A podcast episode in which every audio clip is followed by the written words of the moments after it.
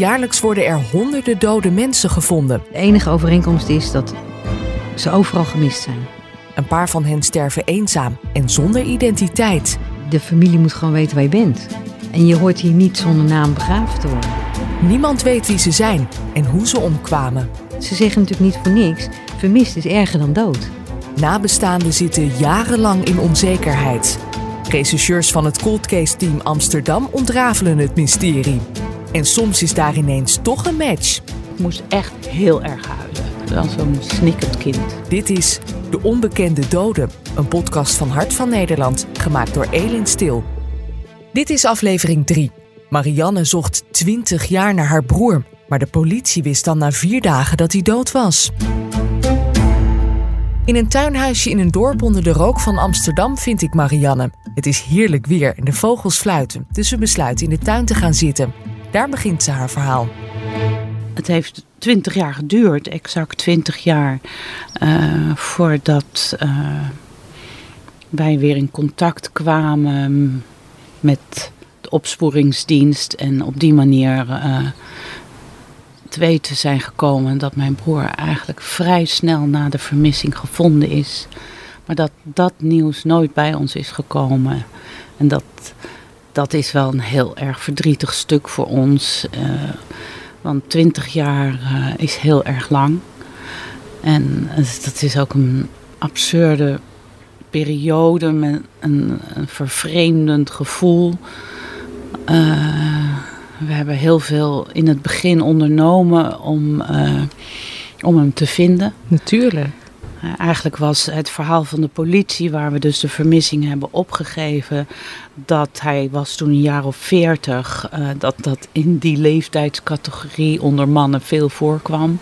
Dus dat we ons, nou dat we dat het heel goed zo zou kunnen zijn dat hij nog ergens opgespoord zou. En dat, dat het dus een keus van hem was om weg te gaan.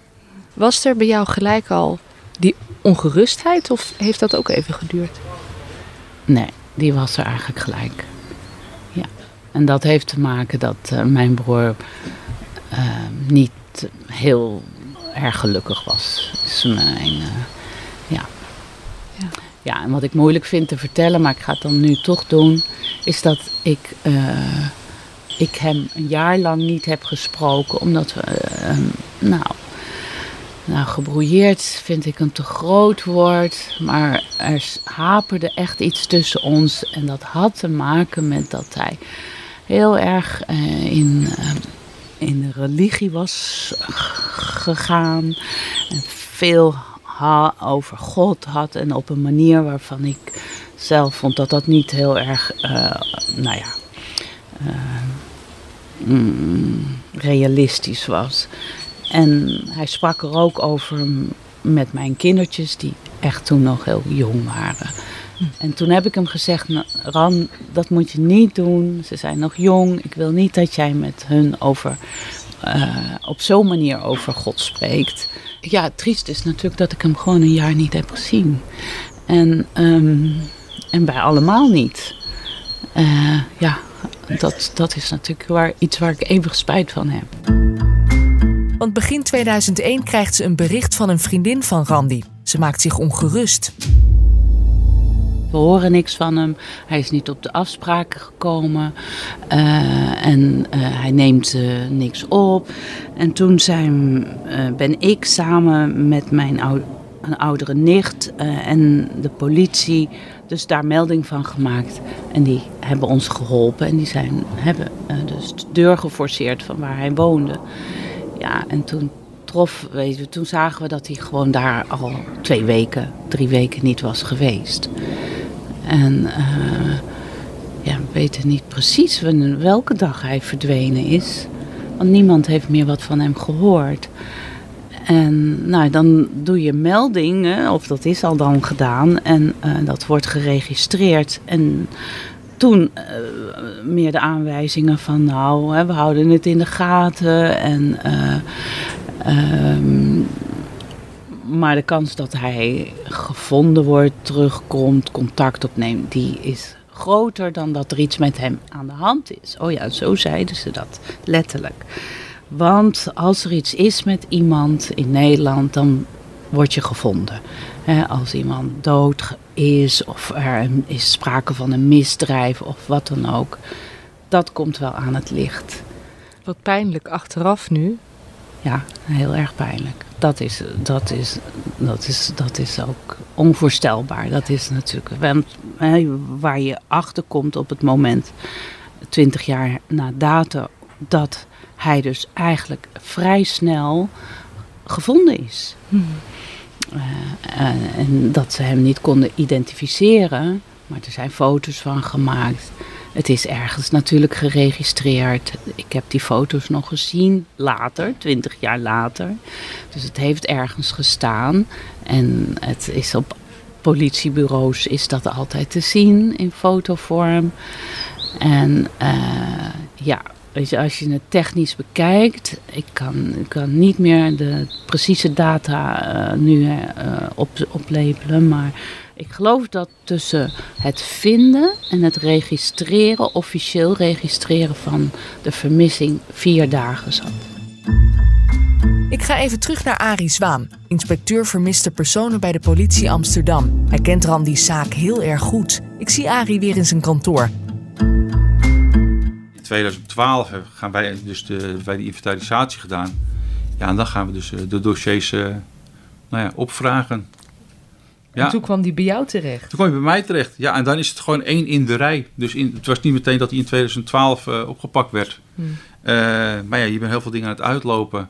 Ja, en ik heb in 2017 of 2018 eh, ja, het fysieke dossier. Want nou, ja, eerst hadden we dat fysieke dossier ook niet. Nou, dat is ook een heel gezoek van waar is dat fysieke dossier en is dat er überhaupt nog? Nou, uiteindelijk bleek dus dat we ook nog een fysiek dossier hadden. Ergens weggestopt. Ergens weggestopt. Echt jaren later. Ja, Dat ja. hij gevonden wordt. Precies. Nou, en daar staat wel al gewoon de hele, hele, hele route in, hoe het, eh, hoe het rechercheproces en hoe het eh, onderzoek heeft, heeft verlopen. Ook Carina kan zich Randy's vermissing nog goed herinneren. Er is van alles in gedaan, ook met DNA toen al, in 2001, eigenlijk heel snel daarna. Dat is allemaal door de waterpolitie gedaan. En wij hebben in 2011 zo'n beetje deze zaak overgenomen, omdat we toen heel erg op gang waren met, eh, met dat project. En tussen 2000, eh, zeg maar 10, 11, dat we ermee aan de slag gingen en tot het moment dat hij echt geïdentificeerd is, hebben we twee keer gedacht dat we wisten wie het was. We hebben heel veel DNA-onderzoek gedaan. Er is onder andere een, eh, een meisje van 14 die zich gemeld had, die, die haar vader nog altijd kwijt is. En die dacht ook op basis van de foto's die op politie.nl staan, stonden van, eh, van deze man, dat het haar vader wel eens kon zijn. Dus die is bij ons aan het bureau geweest, heeft DNA afgegeven. Nou, was natuurlijk heel emotioneel, maar dat bleek dus niet haar vader te zijn. Dus daarom is DNA echt heel belangrijk. Eh, toen hebben we nog een keer gedacht dat het een Boliviaan was die vermist was. Die was het ook niet.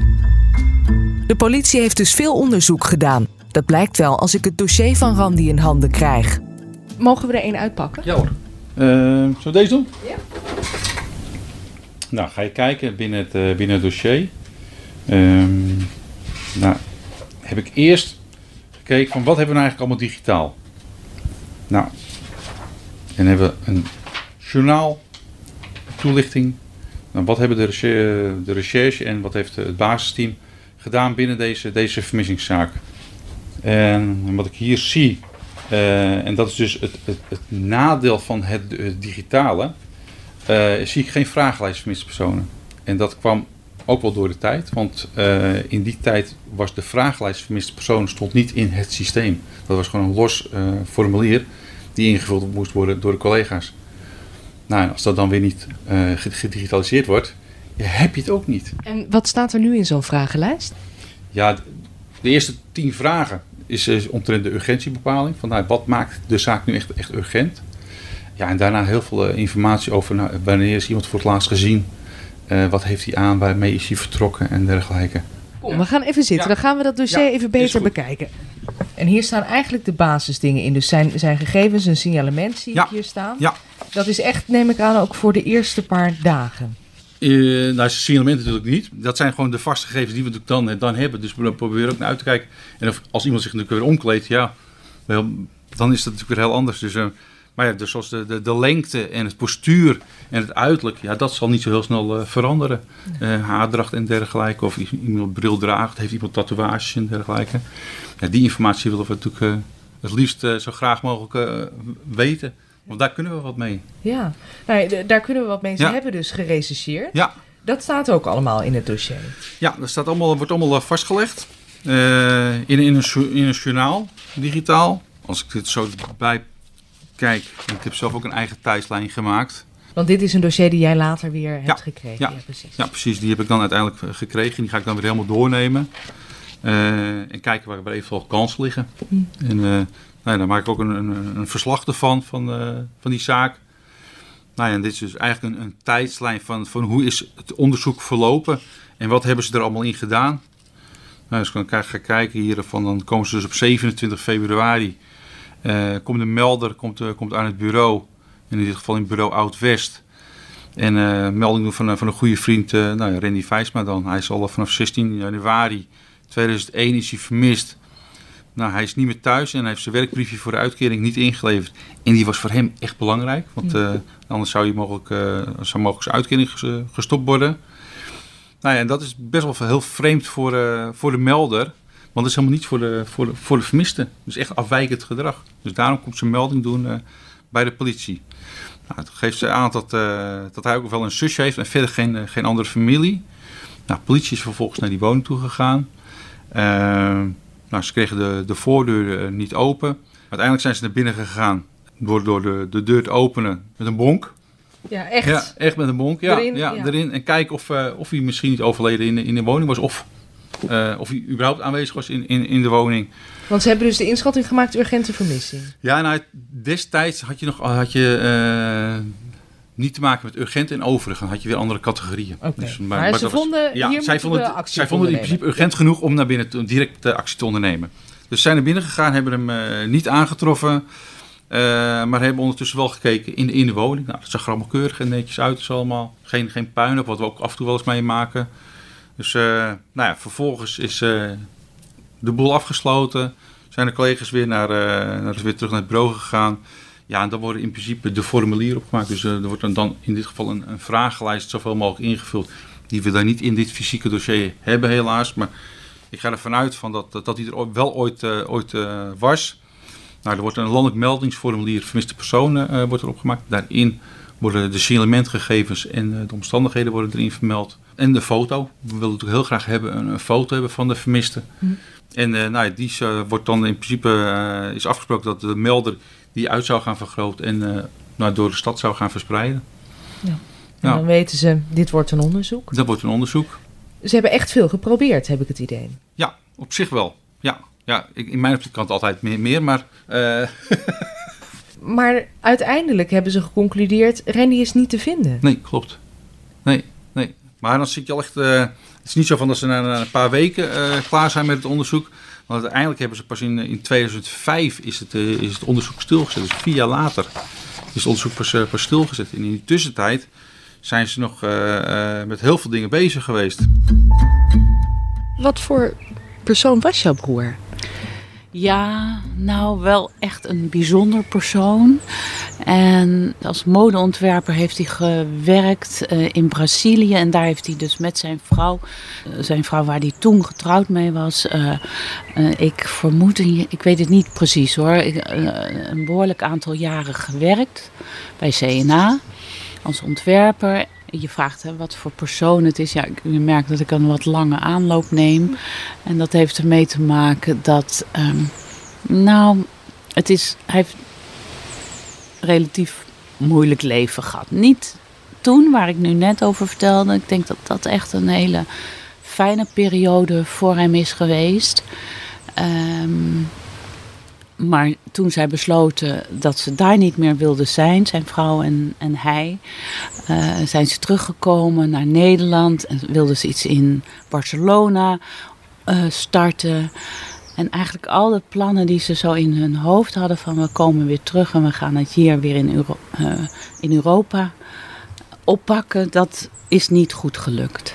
En ehm, hij is ook gescheiden in, in die tijd. Dus weet je, het kavelde allemaal wat af. En last but not least, mijn ouders zijn ook allebei in die tijd overleden. Best jong. En mijn moeder was 64 en mijn vader was uh, 70. Ja, dus het, ik denk niet dat dat, of dat weet ik wel zeker, is niet per se een hele makkelijke periode in zijn leven geweest. Marianne heeft haar broer in die tijd dus niet gezien. Maar wanneer ze hoort dat hij vermist is, doet ze er alles aan om hem te vinden. Je hebt twintig jaar gewacht. Ja. Ja. En gezocht. Ja, ja op een gegeven moment houdt het uh, zoeken op. Dus het actief zoeken, dat is echt de eerste vier jaar geweest. En we hebben echt uh, Tros, je had toen de tijd een opsporingsprogramma van Tros, geloof ik. Hm. En daar zijn we ook in de uitzending geweest. Maar dat liep allemaal op, op niets uit. We hebben ook, uh, dat was ook onder begeleiding van dat uh, tv-programma. Uh, grote posters werden er gemaakt. En die hebben heel lang en ook per cyclus weer opnieuw bij pompstations en zo opgehangen. En daar kreeg ik ook best regelmatig reacties op, maar meer van mensen van, die dan zagen dat hij vermist was. Hm. Bekenden van ons of wat dan ook. En, en zelf kwam ik dat ook regelmatig bij een pompstation tegen. Dus dat, confronterend, ja, Dat was heel confronterend. Ook de politie zit niet stil. Wat heel opmerkelijk was in, in deze zaak, in mei zijn er een aantal afschriften geweest. Een aantal uh, uh, opnames geweest uh, met de visakaart van, van Randy. Dus een paar maanden na de vermissing ja, ja. is er ineens ja. een teken? Ja, want de buurtregisseur die wordt, uh, wordt gebeld door, door de nicht en de, en de zus van de, van de vermiste. Nou, die heeft uiteindelijk uh, die de woning leeggehaald. En zij verklaren dus dat ze een aantal uh, visa-afschriften hebben gevonden. Waarin dus ja, betalingen zijn, zijn afgehaald. Nou ja, en dat is natuurlijk op dat moment denk ik van nou, misschien is hij in leven. Opmerkelijk. Opmerkelijk, heel opmerkelijk. Ja. ja. Dus uh, nou, op 18 mei is er bijvoorbeeld op, in de Kalverstraat uh, zijn er uh, betalingen, of is afgeschreven van, bij, bij een schoenenwinkel. Vervolgens wordt er ook op 18 mei wordt er een behoorlijk bedrag afgenomen bij, of opgenomen bij Thomas Cook. Nou, allemaal guldens nog? Ja, allemaal gulden tijd. Ja, ja. in dit geval was het 4500 gulden bij Thomas Cook. Nou, en daar werd toen gelegitimeerd met, met een rijbewijs. Hm. Nou ja. Uh, collega's hebben dat nader onderzocht en bleek dus bij een bepaalde persoon uh, te behoren. Nou, die persoon is later ook gehoord. Niet de vermiste Niet dus. de vermiste, nee, nee, met een heel andere naam. En die is uiteindelijk ook gehoord uh, omtrent die zaak, van, dat, dat de is met, met zijn rijbewijs. Ja, en het bleek dus dat hij al die tijd, in de tijd dat Randy verdwenen is, hm. heeft hij altijd gedetineerd gezeten. Dus dat zou dus nooit kunnen. Dus, dus op een of andere manier is er dan toch weer uh, ja, met, met, een rijbewijsnummer uh, gezoemeld. Uh, ja, waardoor die mensen dus wel het geld hadden. Maar het was dus niet onze Randy die het geld heeft opgenomen. Dus daar gaat je hoop weer. Daar gaat je hoop weer. Ja, en er waren ook nog verhalen van dat hij mogelijk naar Parijs zou zijn. Want ze hadden, in die woning hebben ze nog gekeken naar, naar telefoonnummers. En het bleek dus dat hij als de dag van verdwijning nog naar Parijs had gebeld. Hm. Dus nou, die telefoons zijn uitgelopen. Nou, dat, dat werd helaas ook niets meer. Um, er was een indicatie dat hij mogelijk naar Brazilië was. Het ging alle kanten op. hoeveel sporen je dan ja, hebt die je moet uitlopen. Ja, precies. Ja, precies. Ja, dus het ging alle kanten op. En toch blijf je de hoop houden dat iemand leeft.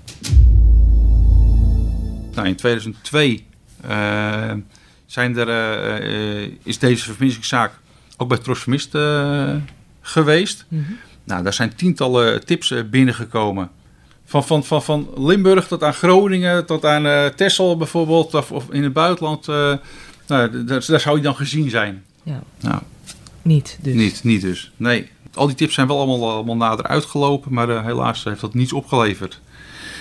Ja, nou dan zien collega's nog en dan we blijven toch aandacht houden voor, voor die vermissingszaak. Nou, zo hebben we ook een aandachtsvestiging binnen de bureaus hangen. Nou, collega's zien de foto van Randy en denken hem dus te herkennen in een persoon. Nou ja, bijvoorbeeld uh, in, in, dit geval uh, van, bij een boekwinkel. Nou ja, vervolgens gaan ze naar die boekwinkel. Dan blijkt hem niet te zijn, maar wel sprekend. Sprekend lijken ze op elkaar. Maar... Dit is dus twee jaar later? Ja, twee jaar later alweer. Ja, ja. ja. Nou ja, en uiteindelijk in 2005 is, uh, is besloten om, om het onderzoek stil te leggen. Nou ja, en dan wordt het opgeslagen bij, eh, bij, het, uh, nou, is bij de administratie en uiteindelijk gaat hij dan naar het archief toe. Maar Randy's nabestaanden kunnen zijn vermissing niet archiveren. Zij blijven met die ene hoofdvraag zitten. Waar is hij? Want de eerste vier jaar waren dus heel intensief met zoeken en posters. En hoe, hoe werkte dat daarna? Het grote verdriet neemt af. Maar en, uh, ik ben in al die jaren, in die twintig jaar, regelmatig, nou, maakt niet uit, naar een medium zus en een medium zo geweest. Omdat ik dacht, nou, nu trek ik het weer even niet. En dan uh, ging ik weer met iemand praten daarover. En uh, nou, eigenlijk, dat moet ik ze wel allemaal nageven. Uh, hadden ze zoiets van, nou, hij is niet meer op, op deze aarde. Ik heb zelfs een keer met iemand gesproken, dat was in Amsterdam. En zij woonde op zo'n prachtige woonboot. En nou, zij verwees ook naar het ei. Hm. Maar ja, weet je, als je niet weet, uh, zijn, is alles wat je hoort een optie, een mogelijkheid. En daar klamp je, ik heb me daar ook wel aan vastgeklampt. Dacht ik, nou, oké, okay, dan moet ik me hier bij die, deze kennis of dit verhaal me uh, bij neerleggen. En dat lukte dan ook altijd wel weer een tijdje. Dus dat stelde het gemoed wat gerust. Maar eigenlijk zo, naarmate de tijd dan weer verstreek, of er gebeurde iets in mijn hoofd, of een herinnering, of God mag weten wat, en dan kwam dat gevoel natuurlijk weer boven. En, uh, weet je, en onze twee oudste dochters hebben hem goed gekend en waren dol op hem. Mm. En uh, ja, weet je, dus die hadden natuurlijk ook een raar soort verhaal in de familie, wat maar bleef hangen. En je kon nooit zeggen, we weten het en we kunnen het afsluiten en afronden. Nee, er is altijd toch een soort van hoop en verlangen dat, dat, je, dat hij terugkomt. Hoe dan ook. Ja, maar heeft het je waakzaam gemaakt, die tijd? Ja, absoluut. Uh, onbewust, hè. Mm. En, dus, en dat is nooit, gaat nooit weg. Dat is nooit weggegaan. Niet, nee, echt niet. Ik kan het zelfs nu nog hebben. Ja? Ja. En wij, uh, ja. Nee, ik had het volgens mij nog, uh, weet ik het, van de week of een paar weken geleden. is een, dan rijd ik in de auto en dan kijk ik zo naar rechts. En dan is er één seconde, denk ik, hé, hey, daar is die. Dus het uh, en dat slaat op dit moment al helemaal nergens meer op. Maar in die afgelopen twintig, of die eerste twintig jaar, ja, en dat hoor ik uh, van eigenlijk van iedereen die hem uh, kent. Als Arie en forensisch regisseur Carina van Leeuwen beginnen met het project Onbekende Doden, komen ze ook het dossier van Randy weer tegen. Wat het heel bijzonder maakt, is dat dus één blaadje daarin staat. Dat is gewoon met de hand geschreven, is niet digitaal gemaakt. Ja, en ik lees dat, dat blaadje en daar staan in dus de signalementgegevens uh, van Randy. Ja, en daar staat net even iets meer uh, op als dat, dat wij hebben in de andere formulieren. Oh, kijk, hier nog inderdaad de foto waarmee gezocht, ja, gezocht is. Ja, dit is ook de, de aandachtsvestiging zeg maar, die is, uh, is geweest. Uh, en die heeft overal gehangen. Heeft ook, uh, nou, is ook door de, de achterblijvers toen nog, de, door kennis, is dat door de hele stad heen op, opgehangen. Met een foto erbij, Met een foto erbij, telefoonnummers. Ja, en uiteindelijk heb je dan een, een blaadje met de gegevens van Randy. Ja, en daarin staat dus dat hij, uh, nou ja, draagt een bril zonder, zonder montuur. heeft een klein sikje bij verdwijning, haar tot over de schouders. Haar op het achterhoofd, met een dikke rasta-knot. Nou, donkerkruld haar, Indonesisch uiterlijk. Uh, praat, predikt veel over het geloof. Uh, droeg bij de verdwijning een, een, groot houten kruis. Nou ja, en dan, uh, dan lees je hier dan van, hij heeft ook een scheve voortand en, en, en, en een forse spleet tussen zijn tanden. Dus bijna onleesbaar, maar ja. voor jou echt ja. het detail. Ja, het, dat, dat was het, het detail dat, dat ik denk van, hé, hey, dat zou wel eens ja, een onbekende dode kunnen zijn die wij ook in behandeling hebben. Hmm. wij hadden op dat moment ook nog geen DNA binnengehaald van de achterblijvers van, van Randy. Uh, dus ja, dan ga je kijken of je uh, überhaupt een achterblijver kan vinden. En of die nog in leven is. Nou, in dit geval vonden we dus een zus die ook nog in leven was. Dus die hebben we benaderd. Ja, en eigenlijk binnen twee weken kregen we uitslag van het, van het NFI dat het een 100% match was. Moet je nagaan. Ja. Dan heb je daar echt zeker, nou, wat is het? 17 jaar in Ja. onzekerheid geleefd. Ja, Dan langer. binnen twee ja. weken, Ja, precies. boem. Ja, boom. Marianne krijgt dus na al die jaren ineens een telefoontje van het team. Met een voorzichtig verhaal van, nou, uitleggend waar zij van waren, cold case team. En dat ze, hè, en dat eh, ze per direct zei, zei ze natuurlijk, eh, kan je helemaal niks zeggen op dit moment. Maar we zijn bezig met eh, aanwijzingen. En eh, we willen vragen of jij je DNA wil afstaan. Want eh, nou ja, dat, ze wilden dat onderzoeken. Dus ze deden daar heel voorzichtig over. Maar goed, voor mij was het eigenlijk ook heel helder. Ja, dat kan alleen maar natuurlijk te maken hebben met dat ze iets op het spoor zijn gekomen. Dat, dat heeft niet heel lang geduurd hoor. Eh, Dan wordt dat, ik moest naar, op, dus naar het politiebureau en dan wordt speeksel afgenomen. Nou, bla bla bla, dat, dat verhaal. En dat heeft een, denk ik een, week geduurd. En toen belden ze me op. En eh, nou, toen, het gaat dan telefonisch, hè, dat ze een match hebben. Nou, dat, dat was echt wel, ja, echt een, een, een heel een moment, weet je, dat, dat ik, nou ja, goed, dan voel je ook, ik moest echt heel erg huilen. Als, als zo'n snikkend kind. Ja, maar je hebt 20 jaar gewacht.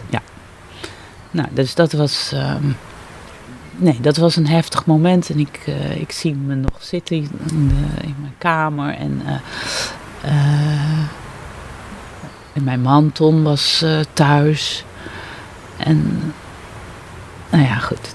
En ik weet dat ik direct mijn twee neven heb gebeld. Of mijn neef. En. eh, nou, die. eh, dat was maf, want zij waren net op weg naar een korte, eh, korte vakantie. En zij zaten, dus die twee neven, dat is een tweeling, een hele goede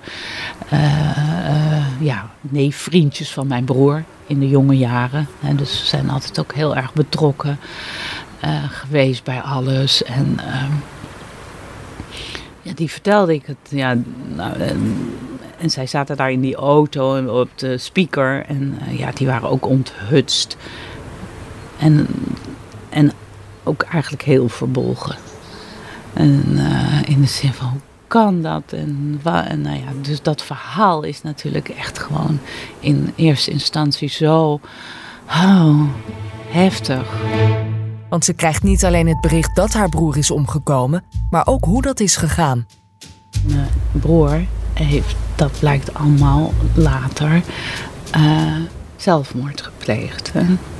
Hij is in het ei gesprongen en hoe en precies en zo, dat weten we natuurlijk niet. Ehm, ja, dat, dus nou goed. Dat is wat, waar we later, dus twintig jaar later, eh, achter zijn gekomen. En in die twintig jaar, eh, ik bedoel, alle scenario's zijn langs geweest in mijn hoofd. Eh, en, en, en, en er blijft een soort kinderlijk verlangen over van, eh, nou, als hij maar ergens naartoe is gegaan en daar gelukkig is. En eh, maakt niet uit waar. Eh, dat is nog een soort van idee wat dan in mijn hoofd bleef vastzitten. Want het intrigeert me dat je 20 jaar lang gewoon, ja, dat gevoel blijft houden. Ja. Dat een verhaal niet af is. Nou ja, dat is wat je altijd hoort. En dat lees je overal en dat weet je. En, en wij hebben het ervaren en gevoeld dat dat zo is. Eh, nee. Nee. En eh, het feit dat mijn broer... eh, dat we wisten wat er aan de hand was. En dat, hij, dat, dat we, hij ligt ook begraven al 20 jaar op een begraafplaats, eh Sint Barbara in eh, Amsterdam, wat een prachtige begraafplaats is. vlakbij Westergasfabriek. Een plek waar eh, ik heel veel langs ben geweest. Omdat dat een, een, een, een leuk uitgaansplek is. Uh, bioscoop, uh, restaurants. Mijn vriendin heeft daar vlakbij gewoond. En wij liepen daar. En dan maakten we samen wandelingen. En dan liepen we langs die begraafplaats. Niet dat ik me daar nou zo bewust... Oh, ik was nog nooit op, op die begraafplaats geweest. Maar ja, achteraf ben je dus heel dichtbij hem geweest. Heel dichtbij. Heel dichtbij. Echt heel dichtbij. Toen jij van Arie en Carina hoorde dat er een match is geweest, is er toen een uh, gesprek gekomen? Ja, zeker. Zij hebben echt alle tijd voor ons genomen. En als we weer, ik, ik denk dat we wel drie, vier gesprekken hebben gehad. En ook nog uh, met de mensen uh, daar ter plekke waar uh, Randy gevonden is en uit het water is gehaald. En, nou, met die foto's erbij. En ik heb die foto ook gekregen. En, nou, um... het had wat twintig jaar geduurd heeft in een week. Had in een week opgelost kunnen zijn. En dan had, had, was het natuurlijk nog steeds heel verdrietig. Heel verdrietig. Uh, maar goed, dan uh, hadden we niet twintig jaar uh, achterover hoeven te kijken. En, en, en, telkens, weet je, zo die, wat ik net zei, die golfbeweging van hoop, vrees, jezelf geruststellen of je het proberen te accepteren ja, en, en eh, het is ook het blijft beladen. Ik bedoel, als mensen, je kan, als je vertelt over je leven aan wie dan ook, en je vertelt, ja, ik heb een broer, hij is al hm, tien jaar vermist, vijftien jaar vermist, nou noem maar op, dat blijft een, een heftig verhaal voor iedereen. Nou ja, waarom het uh, niet bij elkaar is gekomen, ik kan het niet verklaren. Uh, de tijd is dat, dat, dat onbekende doden, want die is op 19 februari. In 2001 is die aangetroffen. Uh, ja, waarom nooit, dat nooit bij elkaar is gekomen? Ik, ik heb daar geen verklaring voor. En, uh, ja. nee, want die foto staat ook nog in het dossier. Ja. Weten jullie wat er gebeurd is met Randy? Nou ja, wat we, uit de sectie is naar voren gekomen is dat hij verdronken is. Hm. Hij was, uh, in, uh, wat we denken is dat hij in verwarde toestand uh, toch in het water is geraakt. Mogelijk suicidaal is geweest. ja, en uiteindelijk is hij dan in, in het water, in het ei is hij, is hij aangetroffen toen op 19 februari. Ja, aan de ene kant ben je natuurlijk hartstikke blij dat, dat je een match hebt. Want er komt wel einde aan onzekerheid bij, bij de achterblijvers. Aan de andere kant, ja, je komt toch met een, met een slechte boodschap. Ja. Toch dat iemand is overleden. Ja. Ja, en dat is, dat is beseftig. Ja, dus uh, je ziet ook echt een, een, mix aan emotie. Bij, bij ze zijn, aan de ene kant zijn ze hartstikke blij dat je, dat je de boodschap uh, brengt. Mm -hmm. Ja, aan de andere kant zijn ze natuurlijk heel erg, heel erg uh, verdrietig over, nou, omtrent de situatie. Ja. Maar er komt wel een, een, einde aan de onzekerheid. Ze kunnen wel de fase van rouw ingaan. Dus er komt wel een stukje van verwerking. Want het verhaal is rond. Ja, het is zeker rond. En nou, en daar zijn we echt uh, heel erkentelijk voor. En, uh, en het is echt heel fijn dat we het um, hebben kunnen afsluiten met, met, met, alle, met z'n allen. En uh, voor, voor onze kinderen ook, denk ik, heel belangrijk. Uiteindelijk, twintig jaar na dato, hoor jij dat hij is gevonden. En daarna hebben jullie een soort afscheid georganiseerd. Ja. Hoe ging die dag? Ja, dat, dat, dat was prachtig. Ik, en heel troostrijk. En, en uh, zo fijn dat al mijn uh, neven en nichten daarbij konden zijn. En mijn vriendinnen. Het was niet natuurlijk een heel groot gezelschap. Want zoveel vrienden had uh, mijn broer niet. En heel veel van onze familie, de ooms en tantes, zijn helaas allemaal overleden. Maar nou, dat afscheid was he, nou, heel, heel mooi. wij, hè, het idee van dat veldje. Dat, ik had aan iedereen gevraagd om geen bloemen, maar vaste planten mee te nemen. Zodat we dat veldje mooi eh, konden inrichten. Dus dat was nadat we gesproken hadden in het kapelletje. Ook zo'n prachtig kapelletje daar op die begraafplaats. En eh, we mochten van Jacqueline op zondag daar ook die ceremonie houden. Dat was niet gebruikelijk geloof ik, maar dat heeft ze ons toegestaan. En ehm, nou, daar hebben we dus de hele geschiedenis kunnen vertellen. Heeft Ton, mijn man, gedaan. En ik heb ook over mijn broer gesproken. En onze dochters hebben ook alle drie gesproken. Maar goed, de optocht, optocht naar de plek waar uh, mijn broer ligt. Uh, dat, dat was echt fantastisch een heel prachtig, uh, mooi gezicht vond ik. Dat we daar zo in een stoet liepen met kruiwagens en allerlei aarde en al die planten. En mijn vriendinnen hadden een grote bakfiets uh, gehuurd, of nou geleend geloof ik. En daar hadden ze een, een soort picknick, allemaal lekkere, in, nou niet Indisch, maar wel hapjes. Want het is wel onze Indische familie altijd met eten. Dat hadden zij heel lief en mooi verzorgd. En nou, nou ja, goed. En ik zie al die uh, grote mannen scheppen en die planten erin. Dus dat uh, is toch echt, denk voor ons allemaal uh, helend. En iets wat, waar, wij met z'n allen op terug kunnen kijken. En ja, in de aanloop naar, naar dat hele afscheid hebben eigenlijk alle drie die dochters van mij echt ook, vind ik dan ook weer zo grappig, hè? dat dochters de moeder gaan helpen. Mijn jongste dochter, die dus toen mijn broer niet gekend heeft.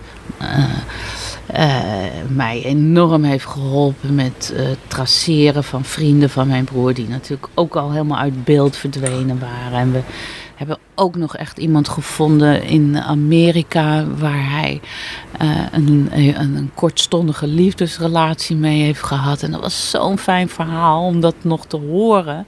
Nou, dat had mijn dochter haar uh, adres uh, achterhaald. Nou, goed, dan zijn kinderen echt super gaaf. En na dat afscheid komt het loslaten. Ik heb heel veel antwoorden gekregen. Ook verdrietige antwoorden.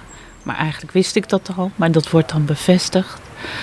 En uh, ja, ik ben ook, ook, ja, dat klinkt ook misschien maf. Uh, uh, opgelucht zal het woord zijn, eh, dat hij vrij snel gevonden is. Ja. Ja, en, en ik ben uh,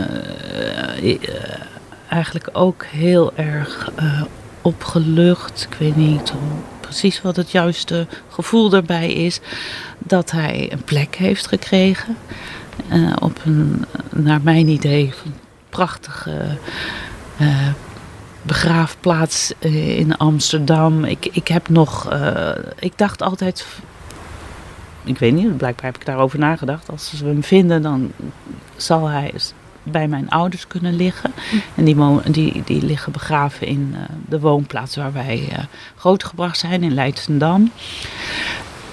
En, en ik heb daar nog dat ook gedacht totdat ik op die begraafplaats kwam. En toen dacht ik, nou, helemaal niet. Want weet je, daar uh, hoor je de trein rondrazen. En daar lopen verwarde mensen te schreeuwen en kinderen te spelen. Al die stads-Amsterdamse geluiden, die dacht ik, nou, dit is zo typisch hij. Hm. En dat, dat ja. Ik ben er geweest, hè, bij zijn graf. Ja. Het is een heel veld eigenlijk, met allemaal witte bordjes, onbekend. Ja. Maar jullie hebben hem wel een mooie nieuwe steen gegeven. Of ja. tenminste. Ja, ja nee, dat is een kunstwerkje, zo zien wij het. Hè. Dat is gemaakt door een van die neven, ja. Theo.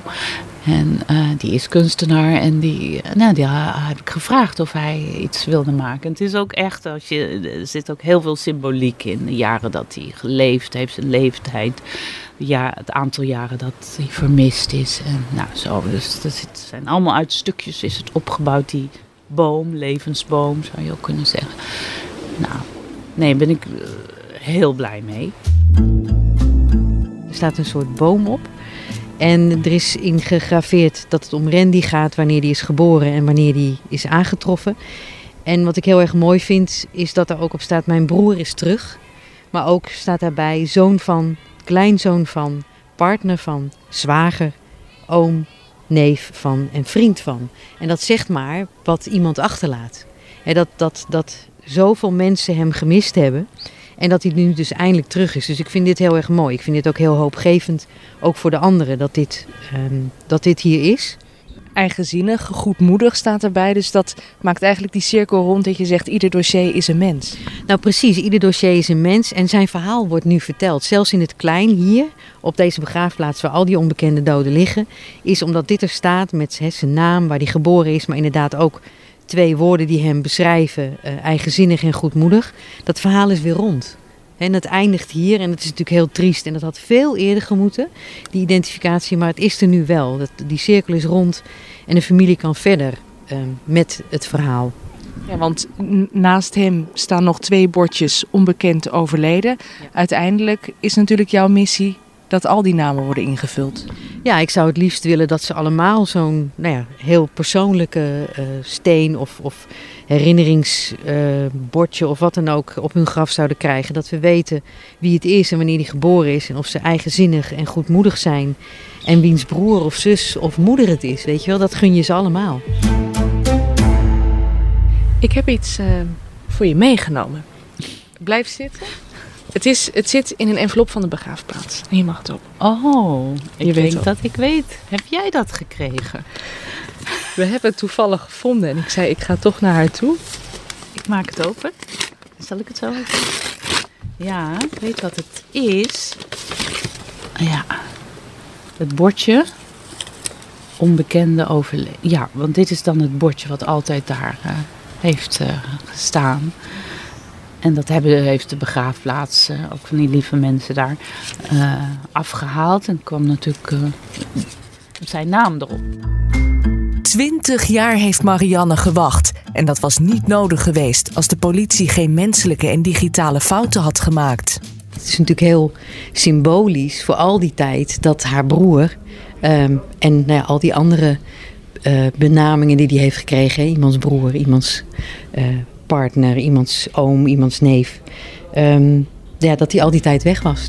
Het is niet meer nodig. Nee, het is niet meer nodig. Fijn. Dit was aflevering 3 van De Onbekende Doden.